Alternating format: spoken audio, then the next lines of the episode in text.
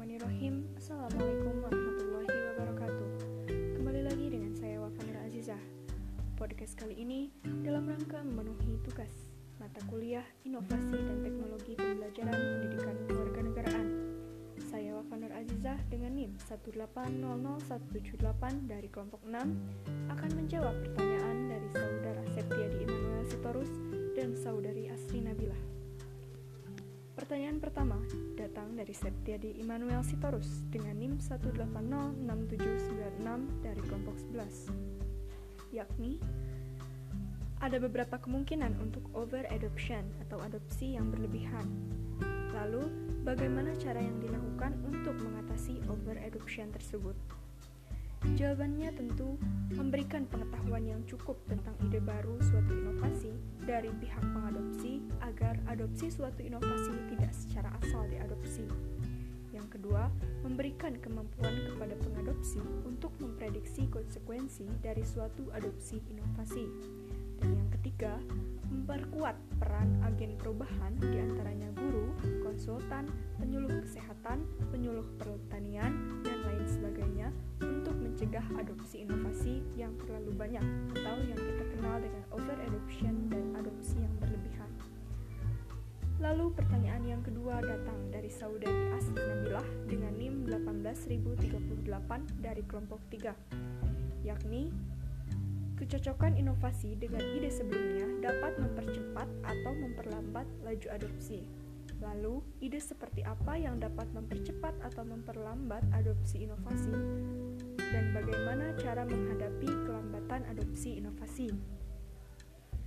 Jawaban yang akan saya berikan yakni dimulai dari terdapat lima atribut inovasi yang dapat digunakan untuk mendeskripsikan suatu inovasi dan menunjukkan bahwa persepsi individu terhadap karakteristik-karakteristik inovasi tersebut merupakan prediksi dari tingkat adopsi.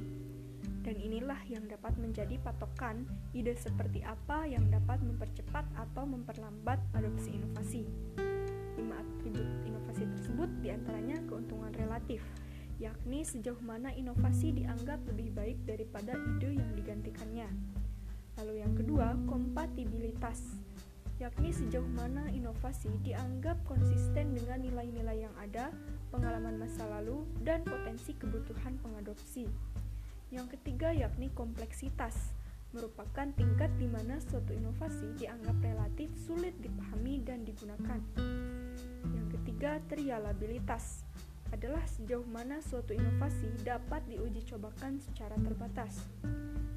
Dan yang kelima, dapat diamati, atau sejauh mana hasil inovasi terlihat oleh orang lain.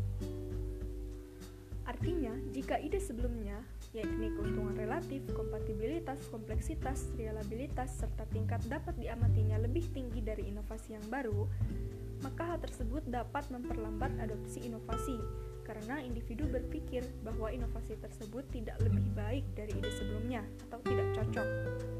Sebaliknya, jika keuntungan relatif, kompatibilitas, kompleksitas, reliabilitas, serta tingkat dapat diamati pada ide sebelumnya lebih rendah daripada atribut inovasi yang baru, maka hal tersebut dapat mempercepat adopsi inovasi karena individu berpikir bahwa inovasi tersebut lebih baik dari ide sebelumnya ataupun dapat dikatakan juga karena tingkat atribut inovasi pada ide sebelumnya selaras dengan inovasi yang baru, maka dapat mempercepat adopsi inovasi atau cocok.